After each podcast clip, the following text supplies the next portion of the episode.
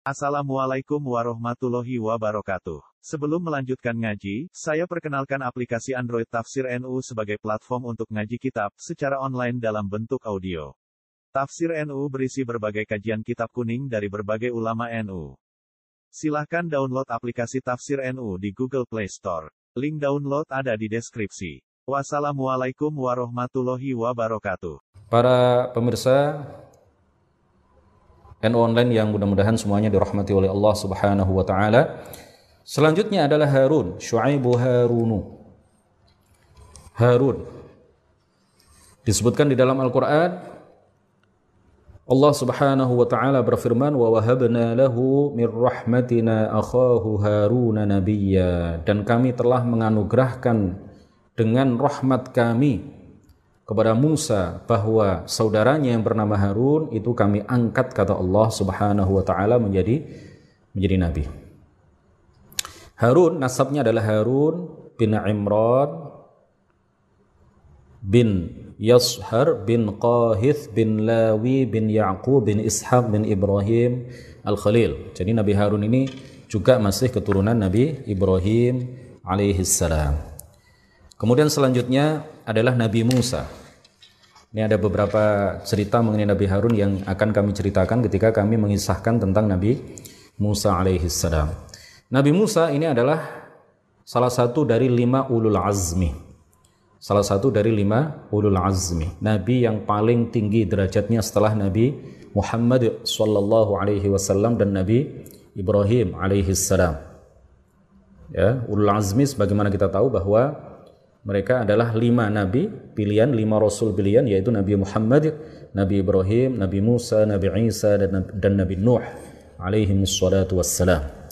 Dan di dalam derajat ya sesuai dengan urutan tadi yang paling tinggi derajatnya adalah Nabi Muhammad, yang kedua adalah Nabi Ibrahim, yang ketiga adalah Nabi Musa, yang keempat adalah Nabi Isa dan yang kelima adalah Nabi Nuh alaihim assalatu wassalam. Nabi Musa salah seorang nabi dan rasul yang mulia yang termasuk ulul azmi ini disebutkan namanya sebanyak 136 kali. Ya di dalam banyak sekali surat-surat Al-Qur'an. Ya ini salah satu nabi yang paling banyak disebutkan salah satu di antara sekian nabi atau rasul yang paling banyak disebutkan namanya di dalam Al-Qur'an. 100 mi'ah. Ya wa qad dzukira ismuhu mi'atan wa sittan wa thalathin marratan 136 kali disebutkan nama beliau di dalam Al-Quran. Kita baca uh, beberapa poin mengenai kisah Nabi Musa alaihi salam. Ini panjang, ya, akan kami singkat menjadi beberapa poin. Wulida Sayyiduna Musa alaihi salam fi ahdi taghiyatil Walid ibni Mus'ab. Fir'aun fi Misr alladhi ishtahara bit-tughyan wal jabarut wad da'al uluhiyah. Nabi Musa ini lahir pada masa penguasa yang sangat zalim, sangat diktator yang mengaku dirinya sebagai Tuhan. Salah satu Firaun Mesir. Ya. Jadi Firaun itu banyak karena Firaun itu adalah gelar. Pada saat Nabi Musa alaihi salam lahir, yang berkuasa pada saat itu adalah penguasa Mesir atau Firaun Mesir yang bernama Al-Walid ibnu Mus'ab.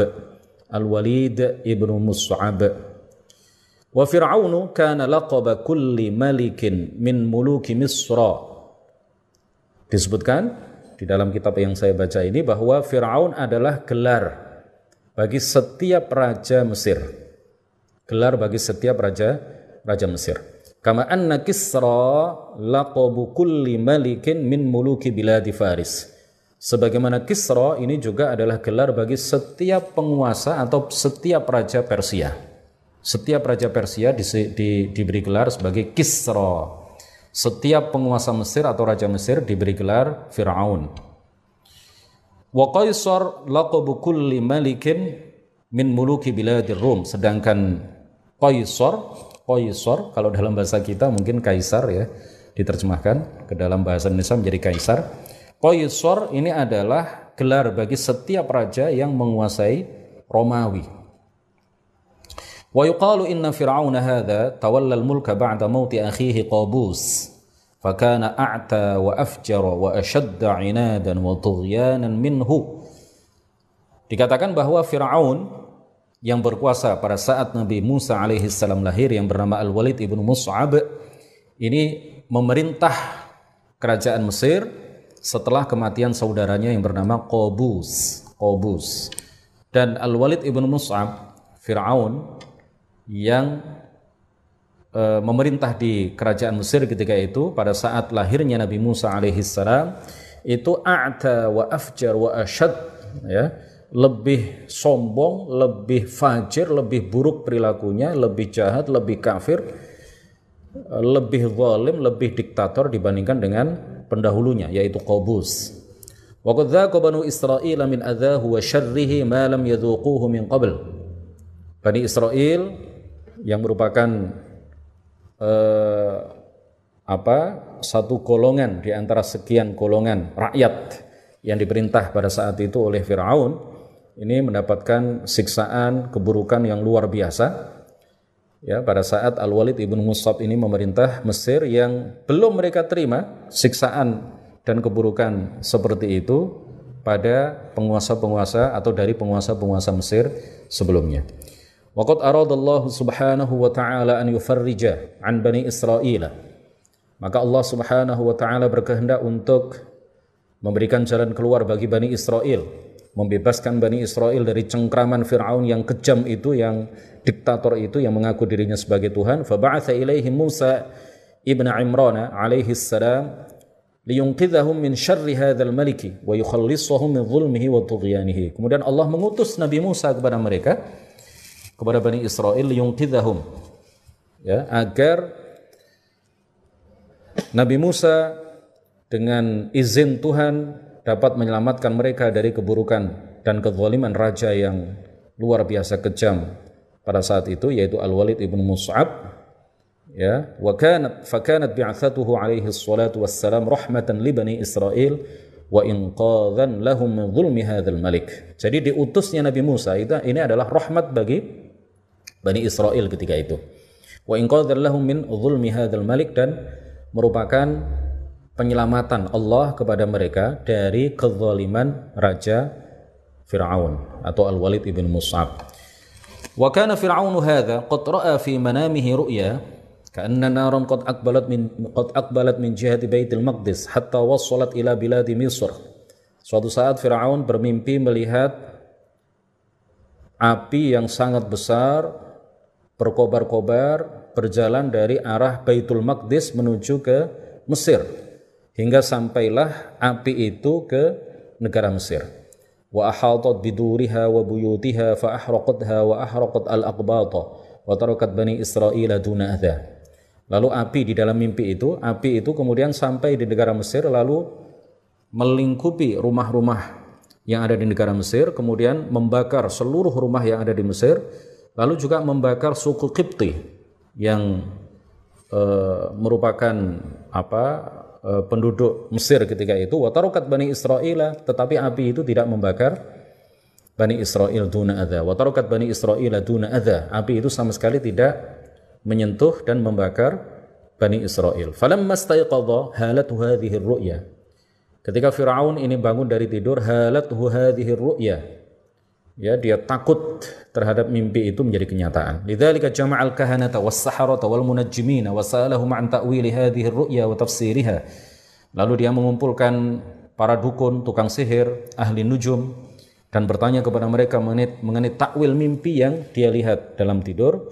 Faqalu lahu lalu mereka mengatakan kepadanya, "Hadza ghulamun yuladu min bani Israil yakunu sababu halaki ahli Misr ala yadayhi." Api itu, api yang kamu lihat yang datang dari Baitul Maqdis menuju ke negara Mesir, lalu membakar rumah-rumah yang ada di Mesir.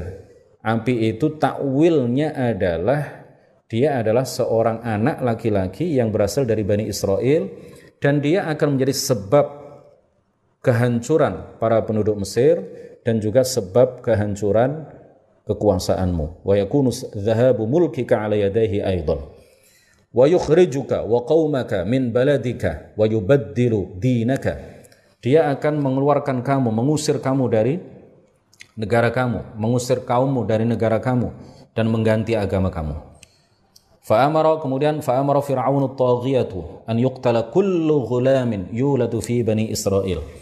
Lalu Fir'aun yang kejam, yang zalim itu memerintahkan supaya setiap anak yang lahir di kalangan Bani Israel itu kemudian di, dibunuh setiap anak laki-laki.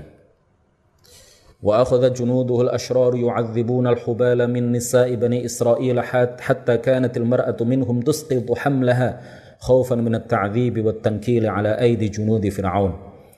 Para bala tentaranya yang juga kejam lalu menyiksa seluruh perempuan Bani Israel yang sedang hamil. Sehingga banyak di antara perempuan-perempuan Bani Israel yang sedang hamil itu kemudian menggugurkan bayinya sendiri karena mereka takut uh, disiksa oleh bala tentara Firaun.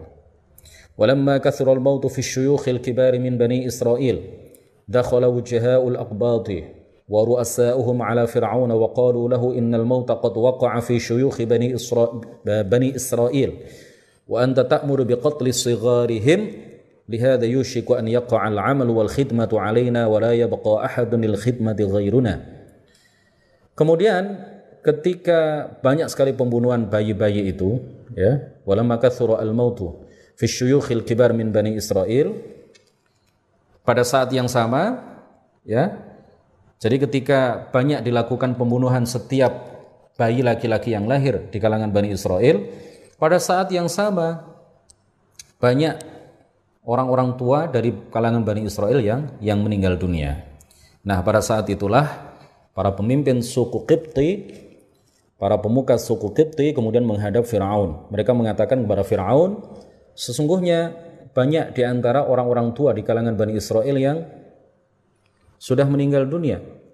Sedangkan engkau wahai Firaun, wahai sang raja, memerintahkan kepada kami untuk membunuh setiap anak kecil yang lahir di kalangan Bani Israel. Kalau ini terus menerus dilakukan, maka Eh, yushiku an yaqa'al amalu wal khidmatu alaina. Maka yang akan menjadi pembantu itu nanti adalah kami, suku Kipti. Sedangkan kami ini adalah para pemuka, kami ini adalah para pembesar. Kalau Bani Israel itu yang bayi dibunuh, kemudian orang-orang tua di waktu yang sama juga meninggal dunia, yang biasanya pembantu itu dari dari kalangan mereka, pelayan-pelayan itu dari kalangan mereka. Kalau mereka sudah mati semuanya, ya mereka tidak punya generasi uh, yang melanjutkan uh, Bani Israel itu, maka pelayan-pelayan semuanya akan uh, tidak ada ya, akan mati satu demi satu dan tidak ada penerus mereka sehingga pada saatnya nanti mungkin kami yang pemuka-pemuka ini, kami yang pembesar-pembesar ini akan menjadi pelayan seperti mereka menjadi pelayan. Lidzalika amara Fir'aun an yuqtala ghilman bani Israil sanatan wa yutrakuhum sanatan hatta la yahlika jami'u abna'i bani Israil alladziina kana Fir'aun yastakhdimuhum fi a'malihi. Oleh karena itu setelah uh, apa beberapa pemuka suku Kipti menghadap kepada Firaun, maka Firaun setelah itu kemudian mengeluarkan instruksi, mengeluarkan perintah bahwa anak-anak laki-laki yang lahir dari kalangan Bani Israel ya dalam satu tahun itu mereka dibunuh kemudian pada tahun berikutnya mereka di, ditinggalkan artinya mereka tidak bunuh mereka di, diampuni. Kemudian tahun berikutnya dibunuh pada tahun berikutnya lagi di, diampuni tidak ada pembunuhan sehingga tidak semua anak laki-laki itu di, dibunuh ya. Kalau semuanya dibunuh setiap tahun dibunuh setiap saat dibunuh terus menerus maka eh, alladzi kana fir'aun yastakhdimuhum fi a'malihim ya hatta la yahlika jami'u bani Israel abna'i abna'i bani Israel sehingga tidak semua anak laki-laki dari kalangan bani Israel itu kemudian mati ya sehingga Firaun dan para suku Kipti tidak lagi bisa memper, mempekerjakan mereka di dalam uh, melayani mereka ya kalau semuanya mati maka tidak ada lagi pelayan yang akan melayani Raja Fir'aun dan akan melayani suku Kipti. Padahal sebelumnya ya yang menjadi pelayan, yang melayani mereka, ya, yang melayani Fir'aun, yang, yang, yang menjadi pelayan di istana, yang menjadi pelayan para pemuka suku Kipto itu semuanya adalah dari kalangan Bani Bani Israel. Waqad ba'athallahu ta'ala Harun alaihi salam mu'inan li linabiyyihi Musa alaihi salatu wassalam hina arada an yab'athahu ila fir'aun li da'watihi ila al-iman. وقد دعا موسى عليه السلام ربه بدعوات حين امره تعالى ان يذهب إلى فرعون لدعوته إلى الايمان وقد استجاب الله دعوته قال تعالى حكايه عن موسى Allah Subhanahu wa taala kemudian mengutus Nabi Harun alaihi salam sebagai nabi untuk membantu dakwah Nabi Musa alaihi salam hina arada an yab'athahu ila Fir'aun ketika Allah Subhanahu wa taala berkehendak ya untuk mengirim Fir'aun mengirim Fir'aun ke um, uh, mengirim siapa? Mengirim Musa maksud saya, mengirim Musa untuk berdakwah di hadapan Raja Fir'aun, Allah Subhanahu wa taala kemudian mengutus Harun sebagai nabi untuk membantu dakwah Nabi Musa alaihi salam. Nabi Musa kemudian berdoa dengan beberapa doa kepada Allah dan Allah memenuhi doa beliau, mengijabah doa beliau seperti yang diceritakan di dalam Al-Qur'an Qala rabbi shrah li sadri wa yassir li amri wahlul 'uqdatam min lisani qawli. Musa berkata, "Wahai Tuhanku, lapangkanlah dadaku, mudahkanlah urusanku, wahlul 'uqdatam min lisani dan lepaskanlah kekakuan atau bundelan dalam lidahku. Yafqahu qawli, niscaya mereka akan memahami ucapanku. Waj'al li waziran min ahli dan angkatlah seorang pembantu untukku dari keluargaku saya sendiri eh, dari keluargaku sendiri Harun akhi yaitu Harun yang merupakan saudaraku. Ushdud bihi azri ya Allah kuatkanlah tambahkanlah atau teguhkanlah kekuatanku dengan sebab Harun menjadi nabi. Wa asyrikhu fi amri uh, wa asyrikhu fi amri dan libatkanlah dia di dalam urusan-urusanku. Artinya Eh, jadikanlah dia sebagai nabi yang membantu aku di dalam berdakwah. Kai nusabbihaka katsira wa nadhkuruka katsira innaka kunta bina basira. Qala qad utita su'laka ya Musa. Kai nusabbihaka katsira sehingga kami bisa bertasbih kepadamu ya Allah dalam jumlah yang banyak. Wa nadhkuruka katsira dan kami selalu mengingatmu ya innaka kunta bina basira. Sesungguhnya engkau adalah maha melihat terhadap apa yang kami lakukan. Qala Allah Subhanahu wa taala kemudian berfirman, "Qad utita su'laka." Engkau wahai Musa telah benar-benar diberikan permohonanmu diijabah, dipenuhi keinginan dan permintaanmu wahai Musa. Wa wulida Nabiullah Harun alaihi salam ba'da wiladati Musa bi thalathi sanawat. Nabi Harun ini lebih muda daripada Nabi Musa dengan selisih tiga tiga tahun. Nabi Harun lahir fis sanatil lati la yudbahu fiha al-atfal. Pada tahun di mana Firaun memerintahkan supaya tidak ada bayi yang lahir pada saat itu, pada tahun itu yang dibunuh. Wa amma Nabiullah Musa alaihi salam faqad wulida fis sanati yudbahu fiha al-atfal. Adapun Nabi Musa alaihi salam beliau dilahirkan pada tahun di mana Nabi eh, di mana Raja Fir'aun memerintahkan kepada anak buahnya, kepada bala tentaranya untuk membunuh setiap bayi yang lahir pada tahun itu, bayi laki-laki ya. Lakin Allah Ta'ala hafidha Musa alaihi salam fatarabba fi baiti Fir'aun. Tetapi Allah menjaga Nabi Musa dan bahkan Nabi Musa ini lalu dirawat di istana Fir'aun ya oleh istri Fir'aun yang bernama Asiyah. ولما بعث الله تعالى موسى عليه السلام طلب موسى من ربه أن يبعث معه أخاه هارون ليكون معه في طاعة الله ومعينا له على تبليغ الرسالة فاستجاب الله تعالى دعوته قال تعالى Ketika Allah Subhanahu wa taala mengutus Musa untuk berdakwah kepada Firaun, maka dia memohon kepada Allah untuk menjadikan saudara laki-lakinya yang bernama Harun menjadi pembantunya diangkat beliau minta kepada Allah supaya Harun diangkat juga menjadi menjadi nabi. Qala rabbi inni qataltu minhum nafsan fa akhafu an yaqtulun wa akhi Harun huwa afsahu minni lisanan fa arsilhu ma'i yarid an yusaddiquni inni akhafu an yaqtulun inni akhafu an yukadzibun ya dan seterusnya Kemudian Allah Subhanahu wa taala juga berfirman, "Sanashuddu 'adudaka bi akhika wa naj'alu lakuma sultanan fala yasiluna ilaykuma bi ayatina antuma wa man ittaba'akumal ghalibun." Lalu Allah Subhanahu wa taala menjamin bahwa Nabi Musa dan Nabi Harun seperti yang diceritakan di dalam ayat yang baru saja saya baca tadi, Allah menjamin keduanya akan menang dan tidak akan terkalahkan oleh Raja Fir'aun dan bala tentaranya. Wa akhbarallahu ta'ala nabiyahu Musa bi anna Fir'aun wa jundahu lan yasilu ilaihi wa ila akhihi Harun bi qatlin wa lan yanalu minhuma fasara Musa alaihi salam bi ahlihi nahwa Misr hatta wasaluha laylan wa kana Harun alaihi salam yawma idhin bi Misr فأوحى الله تعالى إلى موسى أن يتلقى أخاه هارون عليه السلام ويخبره أنه قد جعله وزيرا له ورسولا معه وتلقى هارون موسى. فلما اجتمعا والتقيا قال موسى لأخيه هارون إن الله أمرني أن آتي فرعون. فسألته أن يجعلك معي فانطلق معي إليه. يا. فانطلق موسى وهارون عليهما السلام إلى قصر فرعون ليلا وطلب موسى من البواب أن يأذن له بالدخول على الملك.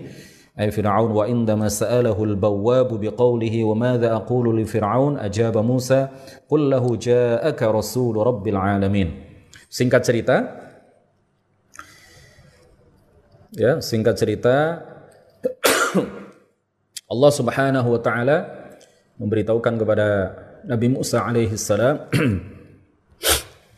bahwa Harun akan diangkat menjadi nabi yang akan membantu Nabi Musa sallallahu alaihi wasallam di dalam berdakwah di hadapan Firaun. Ketika itu kemudian Nabi Musa alaihi salam pergi menuju Mesir, sedangkan Nabi Harun sudah berada di Mesir. Nabi Musa kemudian memberitahukan kepada Harun bahwa dia telah dijadikan oleh Allah sebagai pembantunya di dalam berdakwah di hadapan Nabi eh, di hadapan raja raja Firaun. Ketika sudah sampai di pintu istana Firaun, Nabi Musa alaihi salam kemudian berkata kepada pengawal ya, kepada pengawal bahwa dia ingin bertemu dengan Raja Firaun. Ketika pengawal itu bertanya, "Wa madza aqulu li Firaun?" Apa yang aku sampaikan kepada Raja Firaun? Kemudian Musa mengatakan, "Qul lahu ja'aka rasul rabbil alamin." Katakan kepada rajamu bahwa utusan Tuhan semesta alam ingin bertemu denganmu. Pengawal ini kemudian gemetar, takut ya mendengar apa yang disampaikan oleh uh, oleh Nabi Musa. Ini pengawal ini kemudian takut lalu dia menyampaikan hal itu kepada Raja Firaun. Pengawal itu kemudian mengatakan kepada Firaun sambil ketakutan Inna bil babi insanan majnunan yaz'umu annahu rasulu rabbil alamin. Di pintu istana ada orang gila yang mengaku-ngaku dirinya sebagai utusan Tuhan semesta alam. Lalu Fir'aun mendengar kata-kata yang disampaikan oleh pengawalnya itu, fa'akhadat Fir'aun ri'adatun wa haibatun. Uh, Raja Fir'aun kemudian gemetar, ya, takut. Wa amara bawwabahu bi idkhalihi ma'a akhihi Harun alaihi salam. Lalu Fir'aun kemudian memerintahkan kepada pengawal untuk memasukkan Musa beserta saudaranya yang bernama Harun ke istana raja. Falamma dakhala Musa wa ma'ahu akhuhu Harun ala Fir'aun fi qasrihi da'awahu ila ibadati Allah wahdahu alladhi la sharika lahu fil uluhiyyah wa ila ad-dukhul fi dinil Islam. Ketika Musa dan Harun sudah berada di hadapan Firaun, lalu keduanya mengajak Firaun untuk beribadah hanya kepada Allah Subhanahu wa taala dan mengajak Firaun untuk masuk ke dalam agama Islam. Wa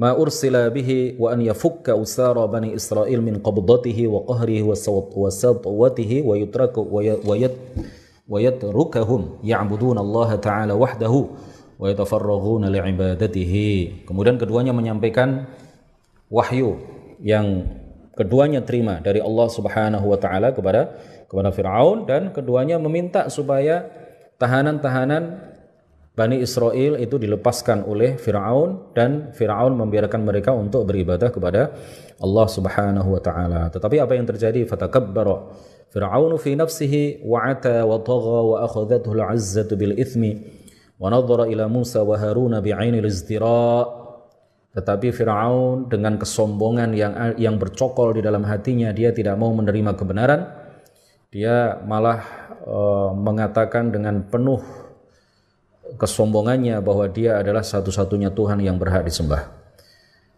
Wa qala lahumā wa hal yujadu ilahun ghairi? Wa 'indama tahaqqaqa fir'aunu min Musa wa 'alima annahu alladhi tarabba fi baytihi wa qasrihi thumma kana min amrihi ma kana qala li Musa alam nurabbika fina walidan wa labithta fina min umrika sinin Kemudian Sejurus setelah itu, beberapa waktu setelah terjadi dialog yang uh, seru itu ya, Musa dan Harun mengajak Firaun untuk masuk ke dalam agama Islam, tetapi Firaun menolak kebenaran ajakan yang disampaikan oleh Musa dan Harun. Dia malah menegaskan bahwa satu-satunya Tuhan yang berhak disembah adalah Dia. Kemudian setelah itu Firaun ya dari dialog itu kemudian dia sadar bahwa yang ada di hadapannya adalah Musa yang pernah tinggal di istananya yang diasuh oleh istrinya. Nah, kemudian Firaun mengatakan kepada Musa, "Alam nurabbika fina walida?" Bukankah aku telah, bukankah kami ya, kami telah uh, merawatmu, mengasuhmu ketika kamu masih kecil, walabitha fina walabitha fina min umrika sinin dan kamu berada di tempat kami di istana kami selama beberapa tahun ya. Firaun mengatakan seperti itu kepada kepada Musa. Wa ba'daha akhadha Firaun yujadilu Musa alaihi salam.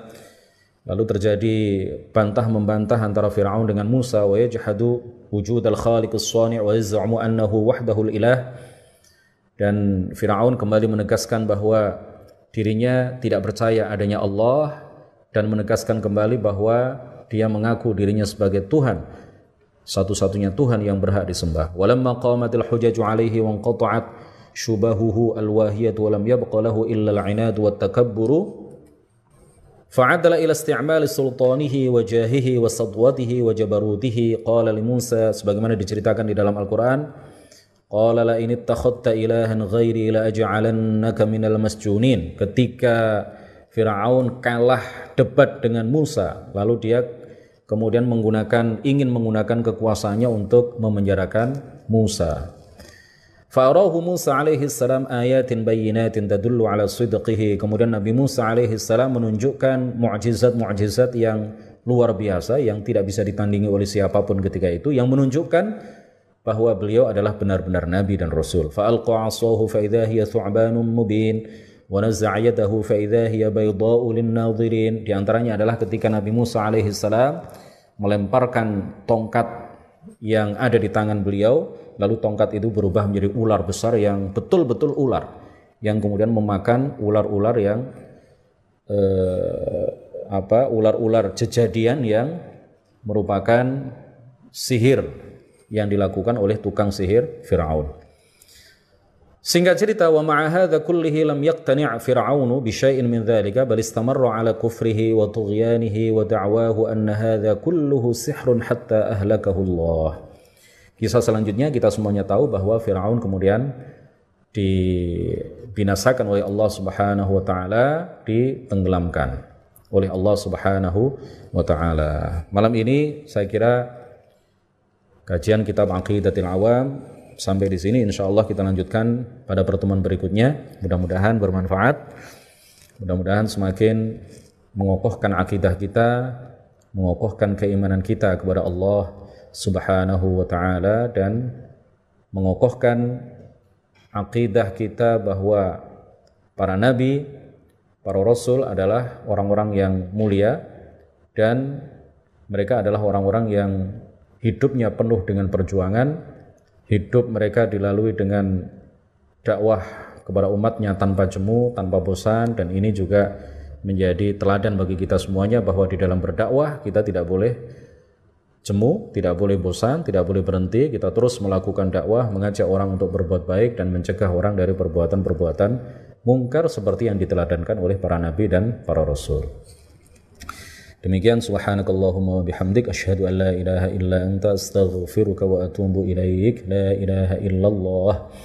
اللهم صل على سيدنا محمد وعلى آله وصحبه وسلم ربي اغفر لي ولوالدي وللمؤمنين والمؤمنات Kurang lebihnya mohon maaf. Terima kasih atas segala perhatian. Wassalamualaikum warahmatullahi wabarakatuh.